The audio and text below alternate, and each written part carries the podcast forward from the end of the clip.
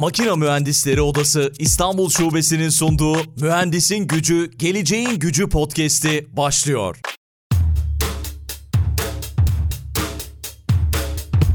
Mühendisin Gücü, Geleceğin Gücü podcast'inden herkese merhaba. Ben Aykut Balcı. Bu bölümde yine çok özel bir konuyu konuşacağız. İşbirlikçi robotlar ve robotlarda yapay zeka konumuzun adı. Almanya'dan konuğum var Orhan Can Görür. Can şu anda karşımda. Selamlar. Nasılsın Can? Hoş geldin. Mühendisin Gücü, Geleceğin Gücü Merhaba. podcast'ine. Merhaba Aykut, merhaba herkese, hoş buldum. Öncesinde istersen biraz seni tanıyalım. Sen neler yapıyorsun? En son bıraktığımda akademisyendin ama şimdi farklı bir şekilde kariyerine devam ediyorsun sanırım. Almanya'da neler yapıyorsun mühendislik adına? Kariyerin nasıl ilerliyor? Belki bunu anlatabilirsin. Ben elektrik elektronik mühendisliğinden mezunum, ODTÜ'den. Aslında ilk olarak kontrol sistemleri üzerine uzmanlaşmıştım. Daha sonra Aselsan'da biraz donanım yazılım üzerine, ya donanım dizayn üzerine çalıştım mühendis olarak. Fakat bir yandan master'ımı yaparken işte Aydan Aykmen profesör ODTÜ'den insan robot etkileşimi üzerine biraz odaklandık orada. Çok enteresan bir konuydu benim için de. Aslında çok kritik bir konu bence. Çünkü robotların hakikaten insan ortamlarında yer alması için bu konuların çok detaylı bir şekilde işlenmesi gerekiyor. Özellikle yapay zeka alanında. Ben hani biraz daha yazılım ve robotlarda yapay zeka öğrenmek istedim. O yüzden doktora için Berlin'e geldim. Berlin Teknik Üniversitesi'ne.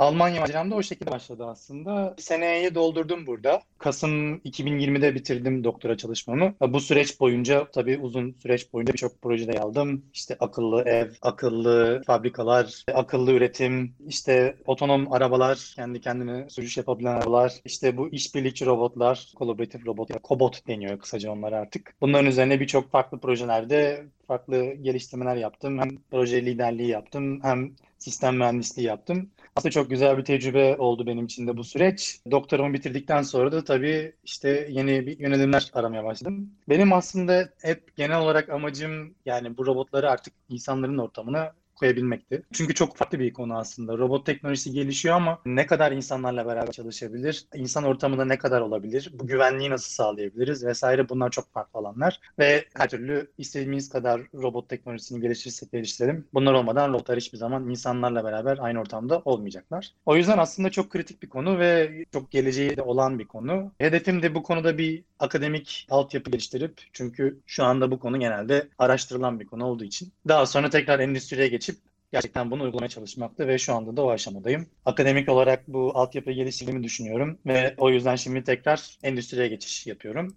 Bir senedir, son bir senedir hatta mezuniyetimden de öncedir bir startup camiasına giriş yaptım ben bu konuda. Çünkü Avrupa'da artık birçok bu tarz ARGE yatırımları startuplar üzerinden teşvik ediliyor. Hem küçük bir ortam, daha dinamik bir ortam, birçok mühendisin de ilgisini çekiyor. Özellikle akademiden çok geçiş oluyor böyle küçük firmalara. Ve bu camiada bayağı işte bir iki tane firmaya danışmanlık yaptım yaptım uzun süre. Hepsi de yine robotlar üzerine. İşte bir tanesi robotları yaşlı bakım evlerinde gece operasyonlarına destek için uygulamaya çalışıyor. Mobil robotlar işte koridorda gezecek, denetim yapacak, kim odasında kim değil. Hatta gerekirse duvardan içeriye radar sinyalleriyle içerideki insan yaşıyor mu yaşamıyor mu? Yani böyle çılgın projeler de var ve hakikaten Evet evet. yatırımlar da var yani olmuyordu değil. Bunlara danışmanlık yapıyordum. Hala yapıyorum. Ama son işte yani yakın bir zamanda da yeni bir firmayla imzaladım. Micropsy Industries diye. Alman firması. Tamamen yaptıkları şey bu işbirlikçi robotları. Daha detaylı konuşacağız zaten. Direkt insanlarla beraber aynı ortamda birçok farklı görevi gerçekleştirecek şekilde üretim bantlarına yerleştirebilmek. Bunun için yapay zeka teknolojileri geliştiriyorlar. Şu anda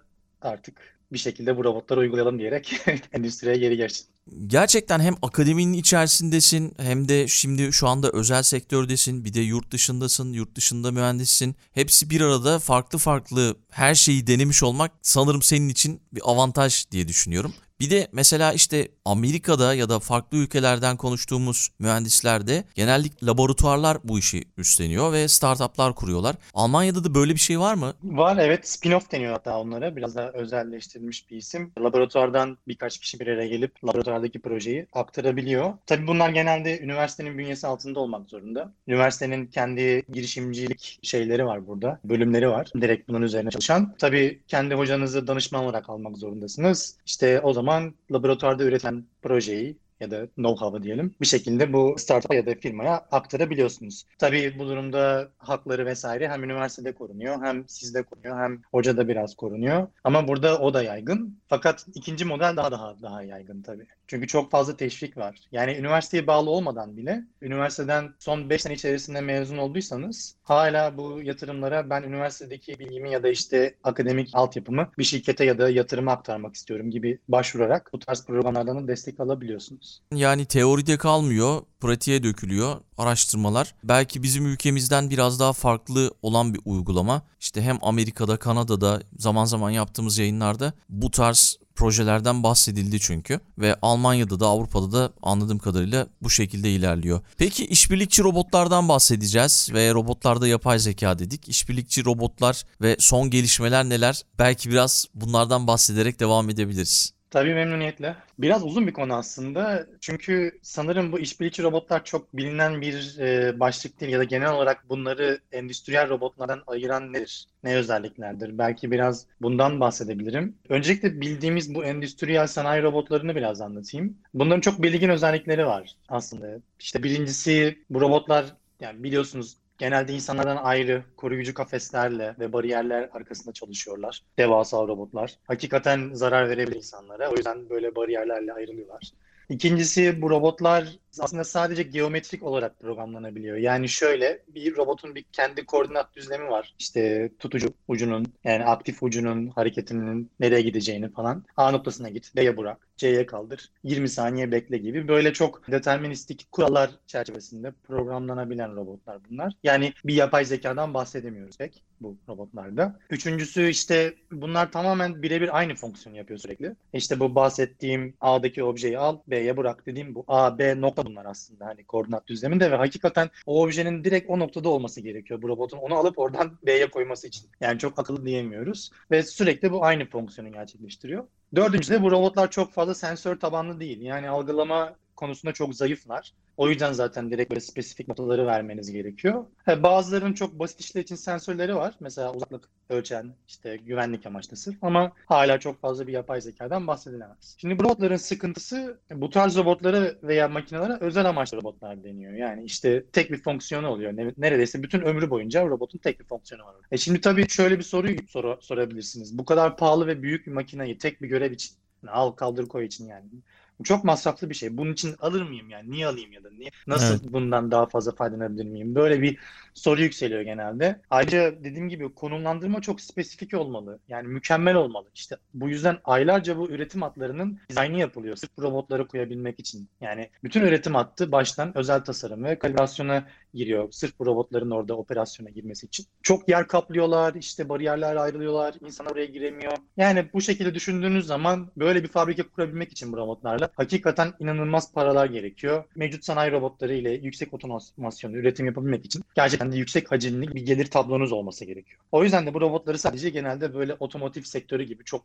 büyük endüstrilerde görüyoruz şu güne kadar. Üretim holüne inanılmaz yatırım yapabiliyorsunuz. İşte sıfırdan bir fabrika kuruyorsunuz sırf bunlarla beraber. İşte bunları biz şu anda sanayi robotu diyoruz. Şimdi gerçekte aslında bir baktığınızda yani üretimin çok çok daha büyük bir kısmı özellikle de entegrasyon ve testler daha esneklik ve adaptasyon gerektiren görevlerle dolu. Ve bunlar insanlar tarafından yapılıyor hala. İşte parça üreticisi, alt yüklenici firmalar, böyle ufak parça üretenler. Yani onlarca farklı parça üretiyor bu firmalar. Ve böyle büyük işte biraz da aptal olan, hantal olan robotları bu küçük parçaları al, koy, farklı parçalarla farklı görevler yap diye programlayamıyorsunuz. O yüzden de işte burada biraz esneklik gerekiyor bu robotlara ve işbirlikçi robotlar tam olarak bu noktada devreye giriyor. Yani işbirlikçi robot robotların ilk çıkış noktası, ilk çıkış amacı biz bu robotları biraz daha küçültelim. Biraz daha böyle esnek olsunlar, farklı görev alabilsinler, adapte olabilsinler farklı işlere, farklı görevlere ki çok daha farklı işte endüstrilerde, daha az yatırım olan endüstrilerde hatta mevcut üretim bantlarını kullanabilelim bir şeyleri değiştirmeden fazla. Yani genel olarak iki e, ana özellikten bahsedebiliriz işbirlikçi robotlar için. Birincisi esneklik, ikincisi e, adaptasyon. Şimdi bu robotları görmüşsünüzdür. Daha küçük böyle belki de bir insan boyutunda neredeyse robot kolları. Küçük, kıvrak, çevikler. Üzerinde bir sürü sensör var bunların. Artık böyle işte hani insan dokunduğunda anlayabiliyor insan dokunduğunu. Ona göre farklı bir operasyona giriyor. Daha güvenli bir operasyona giriyor. Hafif tasarımları olduğu için insanlar bunları hatta taşıyabiliyor sağa sola ya da işte elleriyle böyle tutup ucundan farklı görevler tanımlayabiliyorlar. İşte önce şunu yap, bunu yap falan diye. Şimdi işbirlikçi robotlar bu şekilde piyasalara girmeye çalışıyor. Fakat bunların da tabii kendi içerisinde farklı seviyeleri var. Hani böyle aynı otonom arabalarda olduğu gibi işte çok az otomasyon, yüksek otomasyon, işte hiç insansız sürüş falan gibi. Bunlara da böyle belli e, belirli seviyelerde işte otonom özellikler tanımlanmış durumda bu işbirlikçi robotlara. Biraz onlardan bahsedeyim ki son gelişmelere oradan geçebiliriz. Olur. Uluslararası Robot Federasyonu'nun belirlediği kriterlere göre dört tane farklı seviye var bu robotlarla ilgili. Birincisi tabii ilk en önemli olanı biz bir kere şu bariyerleri bir kaldıralım. Bu robotlar artık bariyerler içerisinde değil de direkt insanlarla aynı ortamda çalışabilsinler. Buna coexistence deniyor. Bariyer yok. İşte bu, bu şekilde aslında bayağı da alandan da tasarruf ediyorsunuz. Sanayide işte üretim polünde düşünün. Bu senaryoda robot hala kendi iş tezgahında çalışıyor bu bahsettiğim senaryoda. Hala insanlardan bağımsız kendi iş tezgahı var. İnsanın kendi iş tezgahı var. Ama insan gidip işte müdahale edebiliyor. Diyor ki işte tamam bu iş tezgahında şimdi bu işi yaptın. Şimdi sana yeni bir iş tanımlayacağım. Artık bu işi yap diye. Buradan da biraz adaptif özellik de katabiliyorsunuz bu robota ki bir robotu birden fazla görevde kullanabiliyorsunuz bu şekilde. Bu şu anda sağlanabiliyor ve hakikaten bunu yapabilen firmalar yani bu tarz iş tezgahı kurabilen tabii biraz da kalifiye elemanların olması gerekiyor. Çünkü robotun eğitilmesi süreci kolay değil. Farklı bir görev için onun yapay zekasının eğitilmesi gerekiyor. Ama çok gitgide yaygınlaşan ve şu anda olan robotlar genelde bu özelliği sağlıyor. Bariyerler yok, kendi iş tezgahı var. İkinci seviyede sıralı işbirliği deniyor. Sequential collaboration. Şimdi burada yapılan olay artık aynı iş tezgahına giriyoruz insanlarla beraber. Fakat farklı görevler yapıyoruz hala. Ama sıralı. Hmm. İşte atıyorum Örnek robot büyük parçayı birleştiriyor. İnsana aktarıyor onu. İnsan robottan bağımsız kenarda onun kaynağını yapıyor. Bu şekilde yine süreci hızlandırmış oluyorsunuz. En azından insana mesela bu ağır objeyi kaldır, buraya koy gibisinden bir görev vermek zorunda değilsiniz artık. Robot bunu hallediyor. İnsan daha hassas bir iş hallediyor. Bu da çok yaygın olmasa da yaygınlaşan bir kullanım şu anda. Fakat işte yapay zeka kısmında detaylı konuşursak orada bahsederim. Bunun da birçok sorunu var hala. Üçüncü seviye direkt birlikte çalışma. Aynı iş tezgahında, aynı iş ortamında. Mesela robot bir parçayı kaldırıyor insan o robotun kaldırdığı parçada robota o kadar yaklaşabiliyor ve hani orada başka üzerinde ufak tefek montajlar, farklı görevler yapabiliyor. Buna cooperation yani beraber çalışma deniyor. Artık bunun son seviyesi de daha akıcı, esnek ve duyarlı işbirliği diye geçiyor. Responsive collaboration. Artık bunda çok daha yüksek yapay zekadan bahsediyoruz. Buradaki esas hedef insan robot hiç önemli değil. İnsan hatta robotun olduğu ortamda robotun yaptığı bir iş esnasında bile girip oraya direkt aynı tezgahın içine oradaki objeyi alıp götürebilir mesela. Buradaki komplike ne tabii? İnsanın çok farklı dinamik değişik hareketleri var ortamın içinde ve robot bunların hepsine adapte olması gerekiyor. Çarpmadan, etmeden, insana zarar vermeden. Hatta task değişiyor, görev değişiyor. Görevi birden değiştirip başka görevi alarak. Hatta bu işi daha da böyle hiç sesli veya komutla yapmadan doğrudan sanki insan insan beraber işbirliği yapıyormuş gibi. Ha şimdi o, o parçayı aldı. O zaman ben de bu parçayı alayım. Buna ihtiyaç var. Bunun kararını verebilecek pozisyonda bir seviyeden bahsediyoruz birden dörde doğru çok gelişmiş yapay zeka çözümleri gerektiriyor tabii. Yani o yüzden tabii dördüncü kısımları çok farklı senaryoları da destekliyor tabii. Yani o yüzden ben genelde sanayiden bahsettim ama işbirlikçi robotlar ofislerde düşünülüyor, evlerde düşünülüyor. Yani her türlü hizmet sektöründe mesela garson olarak da yer alabilecekler. Ama tabii bu, bu tarz görevler çok daha fazla yakınen bir insan etkileşimi gerektiriyor. İnsan tanımlama vesaire. O bahsettiğim dört seviyenin üçüncüsü birlikte çalışma ve duyarlı ve esnek çalışma kısımlarının üçüncü ve dördüncünün gerçekleştirilmesi gerekiyor ki biz bu işbirlikçi robotları artık direkt başka alanlarda kullanalım. O yüzden şu anda daha çok sanayide görüyoruz. Çünkü birinci ve ikinci kısımları direkt daha iş tezgahının farklı olduğu kısımlar gerçekleştirilmiş durumda şu an. Peki genelde baktığım zaman hem de araştırmalara baktığım zaman en gelişmiş 5 robotik ülkeyi Güney Kore, Japonya, Almanya, Çin ve Amerika Birleşik Devletleri diye sayabiliriz. Ve bunlar çok farklı bir stratejik odak izliyorlar. Zaman zaman da işbirlikleri de yapıyorlar sanırım. Belki bu anlamda başka ülkeleri de sen ekleyebilirsin bilmiyorum. Benim araştırmam böyleydi. Bu alanda yatırımlar ne durumda? Bu da açıkçası çok merak ettiğim bir konu. Evet, yok aslında doğru. 5 ülke, 5'i de onlar yani. Hakikaten ben de açıkçası bayağıdır robot camiasındayım. Farklı bir robot firması görmedim başka bir ülkeden. Yani şey, Avrupa'da tabii daha Almanya'yı arttırabiliriz. İşte İsviçre'de Taubli diye bir firma var çok yine meşhur. E tabii en meşhur robotlardan biri bu arada. Universal Universal Robots. Bu Cobot alanında en azından işbirlikçi. O da Danimarka çıkmıştı mesela. Ama tabii bunların çoğu hep Avrupa Birliği fonları üzerinden ortak çalıştıkları için genelleyebiliriz Avrupa olarak. Yani işte Güney Kore, Japonya, Avrupa, ABD ve Çin. Evet aslında farklı stratejiler izliyorlar ama yani bilmiyorum elimde genel birkaç istatistik var. Baktığımda Avrupa mesela 2017 yılında Cobot pazarında bu işbirlikçi robot pazarında en büyük paya sahipmiş. Bahsettiğim bu firmalar Universal Robots, KUKA, işte ABB, bu İsviçre çıkışlı. Franka var bir tane Almanya'da büyüyor. W var İsviçre firması. bunlar hep zaten şu anda bu Cobot alanında liderler yani öyle diyebilirim. Zaten 2017 yılına yani bayağı bir arttırmışlardı pazar paylarını. Fakat bu trend son zamanlarda inanılmaz bir şekilde Asya'ya kayıyor. Nasıl başladı? Çünkü 2017'deki pazar yükselmesi Avrupa'daki yani bu robotların yükselişi Asya'nın onları satın almasıyla oldu. Çin o zamanlar inanılmaz yatırımlar yapıyordu. Zaten Çin hala sanırım dünyada en büyük robot e, alıcısı şey olarak. Bütün çünkü endüstrilerini tamamen otomasyona dönüştürmeye çalışıyorlar. Ki zaten her türlü parçanın üretimi Çin'de artık biliyorsunuz. O kadar ee, insan ne olacak yüzden... ya otomasyona dönerse her şey? Aslında çok çok güzel bir tartışma konusu. İşte Asya'nın belki farklı bakış açısı çok fazla sallamıyorlar abi yani o konuyu.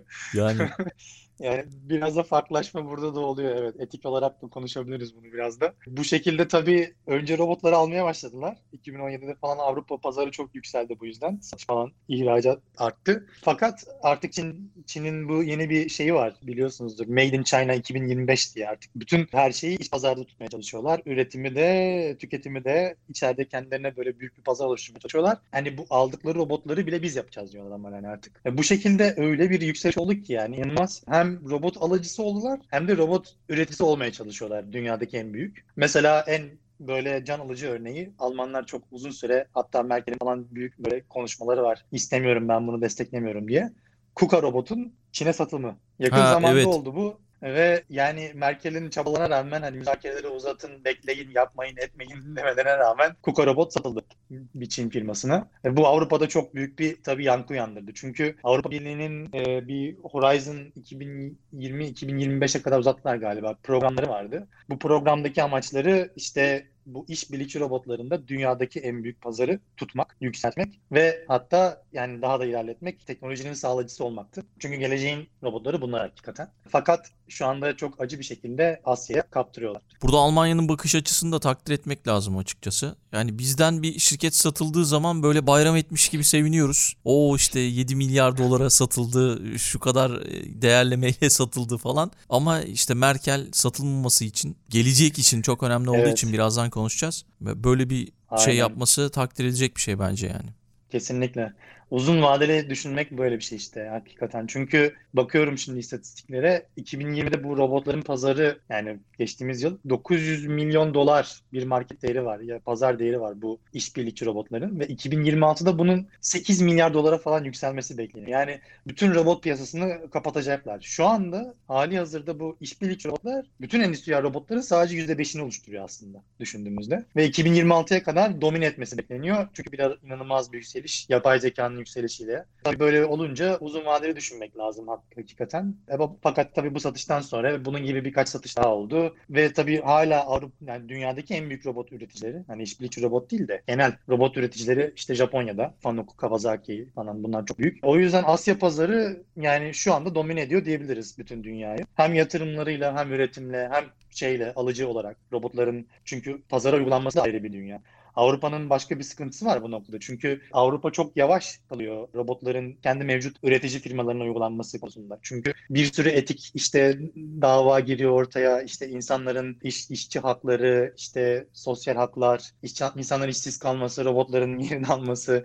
Bu bir evet. ayrı, ayrı bir dünya. Bunun üstüne çok düşünülüyor. Biraz bana göre çok fazla kafa yoruluyor. İkincisi de şey kısmı. İşte yapay zeka çünkü şey gerektiriyor. Hani kamerayla gözlem izleme, e, ortam tanımlama, veri kaydedilmesi vesaire. İşte tabii burada da gene bir sürü şey kaygıları var. İşte verinin korunumu, özel verinin saklanması, saklanmaması vesaire vesaire. Yani Hakikaten bu şekilde yaklaşıldığı zaman yani yakalamaları çok zor şu anda artık bu saatten sonra Asya pazarını. Ama yatırımlar yavaş yavaş yapay zekaya kayıyor diyebilirim. Avrupa en azından hani robotu yüksek miktarlarda üretip satamasak da yapay zekasını yani yazılım kısmını burada geliştirip yine çünkü farkı yaratacak olan şey o. Yani oradan pazara tutunabiliriz diye düşünüyorlar muhtemelen. Evet. Peki üretim dedik. Üretimde yapay zeka ve robot teknolojilerinin geleceği ne durumda? Senin öngörülerin neler? Bu konuda yapılan araştırmaları da takip ediyorsun. Nedir merak ediyoruz açıkçası. Gelecekte ne olacak? Evet, aslında bahsettiğim başta bu işte Uluslararası Robot Federasyonu'nun tanınmadığı bu işbirlikçi robotların işte farklı otonom seviyelerinden bahsettiğimde üçüncü ve dördüncü seviye yani işte direkt birlikte aynı iş tezgahında çalışma ve hatta aynı task aynı görev üzerinde birebir etkileşimle hem fiziksel hem yakınen full otomasyon çalışma gibi maddeler gerçekleşecek tabii ki de. Gelecekte beklenen olay bu. Fakat tabii bunu sağlayabilmek için öncelikle bu robotları bir bizim hakikaten özellikle yani şu anki benim yaptığım çalışmalarda yapay zekanın bu seviyeye ulaşması gerekiyor. Bu çok kritik bir konu aslında. Biraz farklı problemler oluşuyor burada tabii bu konuda. Ama genel olarak biraz daha böyle sosyal açıdan bakarsam. Çünkü önemli olan robotların teknolojik olarak gelişmesi değil sadece. Aynı zamanda bunların kabulü. Yani hem müşteri tarafından kabul edilmesi hem insanlar tarafından kabul edilmesi. İşte geçtiğimiz senelerde örneğin bu sosyal robotlar bir sürü çıkmıştı çıktı ortaya duymuşsunuzdur. İşte evde robot olacak, işte bizi eğlendirecek, işte müzik çalacak, bir şey yapacak, çocuklarla oynayacak falan. Evet evet. Bunların hepsi battı. Bunların hepsi geçen sene gerçekten iflas ettiler. Çok fena bir şekilde. Bunun en büyük sebebi çok iyi müşteri analizi yapamamış olmaları ya da müşterinin sözlerine çok güvenmiş olmaları diyebilirim. İnsanlar başta duyduğu zaman o çok ilginç, ha süper ama tabii kafada hep dönen şey bir sürü bilim kurgu filminde gördüğümüz biraz fazla yüksek beklentiler. Ama yapay zeka aslında hiçbir şekilde oraya yakın bir seviyede değil. Çok daha basit bir şekilde belirli fonksiyonlar üzerinde bu yapay zeka geliştirip biz yine çok spesifik görevler üzerinde bu robotları kabul ettirebiliriz. Şu andaki strateji aslında yapay zeka geliştirmesindeki strateji bu. Müşteriyle çok yakın çalışıyorsunuz. O yüzden gelecek baktığımız zaman robotların kabul için robotların 3 tane temel koşulu sağlamaları gerekiyor. Bu sosyal açıdan da incelediğimizde biraz da benim çalışmam, akademik çalışmam bunun üzerineydi. Birincisi bu robotların neyi nasıl yaptığını ve aldığı kararları insanlara bir şekilde açıklayabilmesi gerekiyor. Yani biz insanlar güvenmiyoruz tabii haliyle. Özellikle sanayide böyle bir robotu koyduğunda robot ne yaptı, ne etti? Yani nasıl bu kararı aldı? Otonom robottan bahsediyorsak, yapay zekadan bahsediyorsak bunların çok açık bir şekilde, net bir şekilde insana bir şekilde aktarılması gerekiyor. Yazılımla olur, başka bir şey olur. Hiç önemli değil. Bu hem güvenlik için çok önemli, hem işte verimlilik için çok önemli. Kaldı ki insanın burada müdahale edebilmesi gerekiyor bu noktada. İkinci özellik çok kritik özellik adaptif olması gerekiyor. Müşteri diyor ki ben diyor bu robota bu kadar yatırım yapacaksam bu robotun öyle sadece bir tane iki tane taskla değil ben ne taskı istiyorsam onun üzerine çalışabilmesi gerekiyor. Birden farklı görevi yapması gerekiyor ki yatırımın karşılığı olsun benim için. Üçüncüsü de bu işte işbirlik yapabilmesi. Bunların üçü sağlandığı zaman yapay zeka da zaten şu anda gelecekte bunun üzerine odaklanıyor. Adaptasyonu gerçekleştirmiş olacağız. Mesela bununla ilgili birkaç örnek verebilirim problemler nasıl çıkıyor ortaya. Amazon'un işte depolama ve lojistik robotlarını duymuşsunuzdur. Evet çok Ee, meşhur. Bunlar böyle aynen bir sürü robot aynı anda böyle çok kompleks ortamda işte hatta çizgi izleyerek genelde o paketi alıyor oradan oraya götürüyor. Daha büyük robot kolları alıp yukarıdaki raflara yerleştiriyor falan. İnanılmaz bir sistem aslında düşünce. Ama bunun bile o kadar büyük sorunları var ki. Yani bir kere zaten böyle bir şeyi kurmak için inanılmaz yatırımlara ihtiyacınız var. Onun dışında en büyük sıkıntı çevrede beklenmedik şeyler olduğu zaman olacak? Örneğin insan ortama girmesi gerekiyor. Çünkü bir robot bozuldu. O robot şu anda yolu tıkıyor. Bir sürü başka robot oradan geçemiyor. Ve bunların hepsi çok e, spesifik bir yapay zekaya tanımlandığı için hani şöyle düşün. Eğer buraya gidersen buradan sola dön, buradan sağa dön. Yani hep tekrar eden, buna biraz deterministik yapay zeka diyoruz. Hep tekrar tekrar eden, hep bilinen görevleri yapıyorlar sadece. Aksi bir şey olduğu zaman bitti. Bütün sistemi durdurup o aksi olan şeyi düzeltip tekrar çalıştırmanız gerekiyor. Bunlar Amazon gibi büyük devler için tabii inanılmaz büyük zarar demek. O sistemin 10 saniye bile durması öyle düşünün. İşte bu tarz beklenmedik olaylara da tepki verebilen adaptif robotlar, düşünülen robotlar, işbirlikçi robotların geleceği bu. En basit gelecek kullanımlarını şöyle tanımlayabiliyorum ben bu adaptasyonu sağladıklarında. Çok gelişmiş obje tanımlama sistemleri olması gerekiyor. Örneğin bir işte üretim bandında akan birçok farklı ürün var. Zaten gelecekte tasarlanan şey bu üretim bandlarında tek bir üretim bandında birden fazla ürün aksın. Zaten şu andaki küçük üreticiler de bunu yapıyor genelde. Bu robotun işte aynı şekilde birden fazla objeyi alıp birden fazla görevi gerçekleştirebilmesi için bu objeleri çok iyi tanımlaması gerekiyor. E bu objelerin bazılarının boyutları değişik oluyor. Yani bazıları birbirine benzer oluyor. Orada bir insan müdahalesi olmadan eğer bu robot bu obje bir önceki objeye biraz şu konuda benziyor. O zaman şurasından tutabilirim diyebilirse ya da işte bu nesneyi biliyorum bu dişli şu anda sadece aksisi değişmiş biraz ters duruyor deyip bunu anlayıp onu yine tutabilirse tamam. Yani şu anda burada bile değil bu robotlar. Öyle düşünün. Eğer bunu yapabilirse zaten birinci eşiği geçmiş oluyoruz. Buradan sonrası bu robotlar artık küçük sanayide bile görmeye başlayacağız demektir. O saatten sonra bu robotlar adaptif görev planlama yapabilecekler. Yine otonom karar verebilecekler. Çünkü tanımlama çok önemli yapay zeka için. Bu yüksek satışlardan sonra zaten belki bir 10 senenin belki daha fazlasının işi de dediğim gibi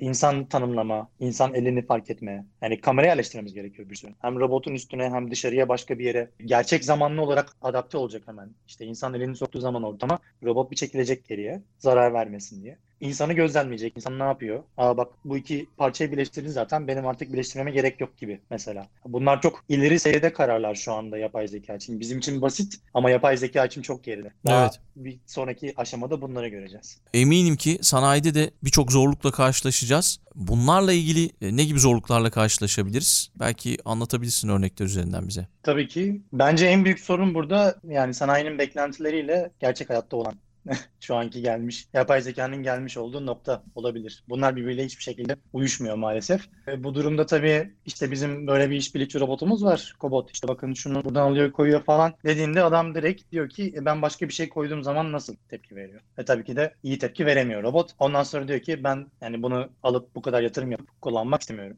E, bu sefer gidiyorsunuz diğer tarafta yapay zeka geliştiriyorsunuz geliyorsunuz. E, bu sefer de diyor ki ben işlerimi ne yapacağım?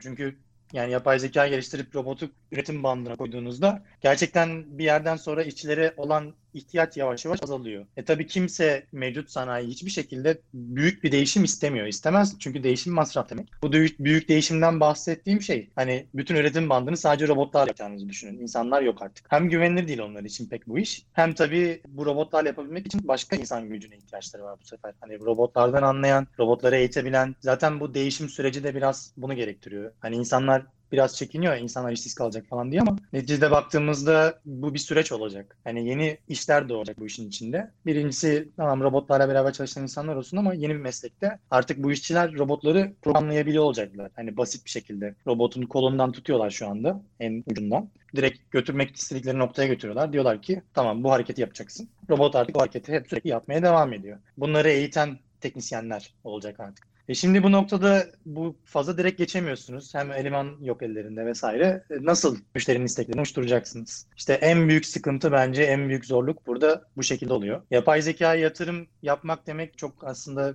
e, büyük bir yatırım demek değil bir firma için. So- Yazılım öğreticisi bir firma için. Ama en esas sıkıntı müşterinin ne istediğini bulmak. Henry Ford'un bir tane çok güzel lafı vardı şeyde. İnsanların ne istediklerini sorsaydım eğer araba yerine daha hızlı atlar yetiştiriyor olurduk. İşte bu noktada aslında şu anki en büyük eşik noktasını aşamamasının sebebi robotların en büyük sıkıntısı bu. Müşteriye çok sorduğunuz zaman ki alıcı o yani yatırım yapacaktı o. Müşteri kendi sıkıntısını iyi tanımlıyor ama sıkıntı genelde daha hızlı olsun, daha verimli olsun. Ama işte benim bir şeyimi değiştirmesin. Ben işte hala mevcut sistemi kullanayım vesaire. İşte yani yapay zekanın şu anda en büyük önündeki engel yine bizleriz aslında bir nevi düşününce. Ya böyle işte çok büyük bir firmanın atılıp çok hani nasıl diyeyim disruptif yani bayağı bir kökünden değişime gidip biz artık böyle robotlar yapıyoruz deyip bütün şeyi değiştirmesi gerekiyor bakış açısını. Aynı Henry Ford'un arabalarla yaptığı gibi. Ya da böyle çok geçici çözümler üretmeye devam edeceğiz bir müddet. İşte bu müşteriye şöyle bir robot yaptık, diğerine böyle bir robot yaptık. Hala çok spesifik yapay zekalarla, genelleştirilemeyen özelliklerle. En büyük engel bu. Anladım. Peki birazcık Almanya'daki mühendislik nasıl ondan bahsedelim istersen. Biz mühendisin gücü geleceğin gücü diyoruz. Makine Mühendisleri Odası İstanbul Şubesi olarak. Sen hem akademi tarafında görev aldın hem de şimdi özel sektördesin. İkisi arasındaki fark nasıl? Almanya'daki mühendislik nasıl? Belki bunu anlatabilirsin. Birazcık belki sosyal hayattan da bahsedebilirsin. Çünkü bununla ilgili de eminim sana çok fazla soru geliyordur. Bize de çok fazla soru geliyor. belki bundan bahsedebilirsin. Merak edenler olabilir. Tabii, tabii memnuniyetle. Akademik hayattaki farklılıklardan başlayabilirim. O çünkü çok biraz daha böyle göze batan bir farklı yaklaşım var burada. E, buradaki akademi genelde ikiye ayrılıyor. Bir işte akademiye yönelik akademik program, doktora programları ya da master programları bir de endüstriye yönelik. Endüstriye yönelik programlarda mesela Türkiye'de bir opsiyon yok. Endüstriye yönelik akademik programlarda burada hiç ders almanıza falan gerek yok üniversitede. Yeterlilik sınavı gibi sıkıntılı süreçlerden geçmenize gerek yok. Tamamen proje bazlı, direkt tez ve üretim odaklı. Hatta daha böyle uygulama yönelik bilim yaparak doktoranızı tamamlayabiliyorsunuz. Ben de biraz ona yakın bir doktora çalışması yaptım burada aslında. Çünkü hiçbir zaman endüstriden bağımı koparmak istemedim. Aslında böyle bir opsiyon opsiyonun olması çok güzel bir şey. Şimdi Türkiye'ye bakıyoruz tabii düşünüyoruz. Bir sürü üniversite mezunumuz var. Hatta bu mezunlarımızın çoğu akademiye devam ediyor, uzmanlık yapıyor, işte doktora yapıyor Türkiye'de. Sonra yine endüstriye geçmeye kalktığında işsiz kalabiliyor ya da kendisine uygun programlar bulamayabiliyor. Aslında burada işte biraz kültür farklılığı var. Bizim aslında bence eğitim sistemimizde bu kültürü yerleştirmemiz gerekiyor. Endüstri odaklı akademi kültürünü daha da pekiştirmemiz gerekiyor. Türkiye'de bence birçok firmanın bir doktoralı ya da işte uzman yani master derecesi olan bir kişinin esas özelliklerini, kabiliyetlerini, yapabileceklerini çok iyi tanımladığını ya da bildiğini düşünmüyorum. Ondan maksimum verimi nasıl alacağını, alamayacağını vesaire oturup bunların önceden stratejik olarak planlanıp yapılması gerekiyor ki bu sistemi kurabilirsiniz. Çünkü o zaman ancak akademiden endüstriye geçişi böyle teşvik edebilirsiniz. O yüzden hani buradaki akademi endüstri farkını biraz daha düşünecek olursak çok daha böyle ince bir çizgi var arada ve geçiş çok kolay birbirinden birbirine. Bayağı bir iç içe ilerliyor çünkü her şey. Projeler hep endüstri destekli. Endüstri diyor ki işte böyle bir aklımıza ARGE yatırımı var, proje var. Sana şey akademiye veriliyor bu direkt. Akademi dediğim gibi oradaki çalışanların aşırı fazla teoriyle boğulmak zorunda olmadığını düşünürsek ki bu endüstriyel doktora modelinden bahsetmiştim. O zaman da tabii çok daha uygun bir çalışma ortamı oluyor. Teşvik edici oluyor yani doktora programında. Giriyorsunuz, endüstriyle beraber bir proje üstünde çalışıyorsunuz. Ve daha sonra zaten endüstri diyor ki ya bu adamı ben alırım. Zaten bitirdiğiniz zaman programı isterseniz oraya geçebiliyorsunuz. Yüksek rütbelerde yönetici olarak vesaire. Ben de burada bunu yaptım biraz aslında. Zaten en başından hedefim o şekildeydi. O yüzden mesela Amerika'da doktorayı tercih etmedim. Çünkü Amerikan sistemi de biraz bu şekilde akademik sistemi. Evet. Birçok birçok arkadaşımı biliyorum hani endüstriye geçerken çok zorlandılar. İstedikleri pozisyonları bulamadılar vesaire. Biraz bundan bahsedebilirim. Yani onun dışında tabii mühendislik hayatı genel olarak akademik hayat da dahil. Akademik hayat biraz daha kaotik tabii her zaman olduğu gibi burada da. Ama mühendislik hayatı falan tabii bunlar hep sosyal haklarla çok fazla destekleniyor. O yüzden bir mühendisin atıyorum yılda 30 iş günü izni olabiliyor Almanya'da. Çok iyi maaş alabiliyor. Yani Kontratında yıldan bağımsız bu arada. Yani bir ilk yılında bile Evet. 30 gün izin alabiliyorsun tabii. O güzel bir şey. Aynen aynen. Yani insanı çalışmak için çok güzel bir ortam sağlıyor diyebiliriz. Yani çünkü ben burada onu çok iyi deneyimledim. Özellikle akademideyken biraz fazla kaosun içinde kaldığınızda ya gerçekten yoruluyorsunuz yani. Hani motivasyon da kayboluyor bir yerden sonra. Ya ben bunu Türkiye'deki birkaç yani arkadaşından da firmada çalışan insanlardan da duydum. Monotonlaşıyor bir, bir yerden sonra hayatınız ve hırs bir geliyor, idealler köşeye atılıyor, yükselme, işte rütbe atlama vesaire bunlar ikinci plana itekleniyor. Çünkü motivasyonunuz kalmıyor. İşte buradaki bence en önemli özellik motivasyon yüksek çünkü sosyal haklar çok korunuyor. Yani bence o en büyük özelliklerden biri. Yani ben 40 saatten fazla çalış çalışamıyorum mesela yasak. Ben bunu 40 saatten fazla çalışırsam haftada kontratında yazan saatten fazla işçi kurumuna bildirebiliyorum. Benim işverenim beni 40 saatten fazla çalıştırıyor diye şikayet edebiliyorum mesela. Gerçekten böyle haklarınız var ve insanlar bunları kullanıyor ilginç bir şekilde. Evet evet ya da izin Ee, olarak Böyle baktığınızda dönüyor sana o. izin kullanman gerekiyor. Gelme diyorlar. Fazla çalışmışsın diyorlar. Kesinlikle, kesinlikle. Yani insan hakları burada tabii çalışma sürecinde de çok etkili yani bence. Peki odalarla aran nasıl? Almanya'da bir odaya kayıtlı mısın? Genel itibariyle şöyle Makine Mühendisleri Odası İstanbul Şubesi hakkında belki birkaç bir şey söylemek istersin. Yurt dışı gözlemlerini aktarmak istersin. Ee, tabii burada bir odaya kayıtlı değil, yani Alman odalarına kayıtlı değilim. Uluslararası odalar var işte bu IEEE falan duymuşsunuzdur. Yani oda demeyelim daha çok organizasyon, büyük organizasyonlar. Evet. Akademik birçok şeye, organizasyona üyeyim tabii aynı zamanda. Türkiye'deki oda kavramından biraz farklı tabii buradaki oda kavramı. Yani burada da yine eğitimler vesaire düzenleniyor. Ama burada firmaların kendisi de bu tarz eğitimleri işte kuruluşları kendi içerisinde destekledikleri için insanların e, başka bu tarz odalara ya da işte ne bileyim birliklere, kuruluşlara, organizasyonlara pek ihtiyacı kalmıyor. Yani onlar artık biraz, biraz da bir yerden sonra sosyal aktivite haline dönüşüyor onlar için. Yine profesyonel hayatta sosyalleşme gibi, işte network gibi, bağlantı kurma gibi bir e, hale dönüşüyor daha çok. Ama benim gördüğüm kadarıyla e, Türkiye'deki oda kavramı işte özellikle makine mühendisleri odasının üstlendiği görevler çok çok daha fazla ve ben gerçekten takdir ediyorum onları bu konuda. Çünkü Türkiye'deki birçok kuruluş insanlara, kendi çalışanlarına yani bu vizyonu veremiyor. Dünyada gelişmeler nedir? Aslında neler oluyor? Biz ne yapıyoruz? İşte başka tarz eğitimler olsun. Yani insanların kendi gelişimini desteklemesi gerekiyor bütün firmaların kendi içerisinde aslında. Burada olan da o. Burada ben bir firmaya girdiğimde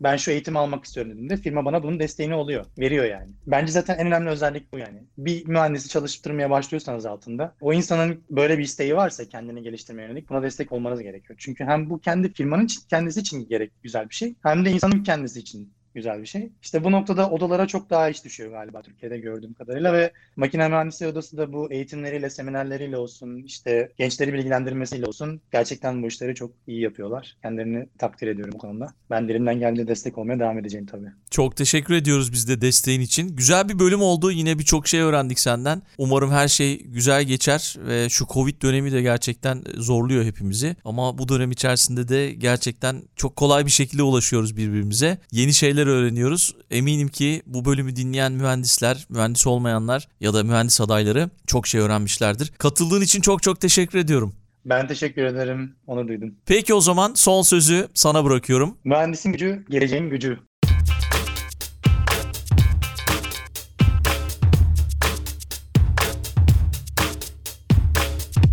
Makina Mühendisleri Odası İstanbul Şubesi'nin sunduğu Mühendisin Gücü, Geleceğin Gücü podcast'i sona erdi.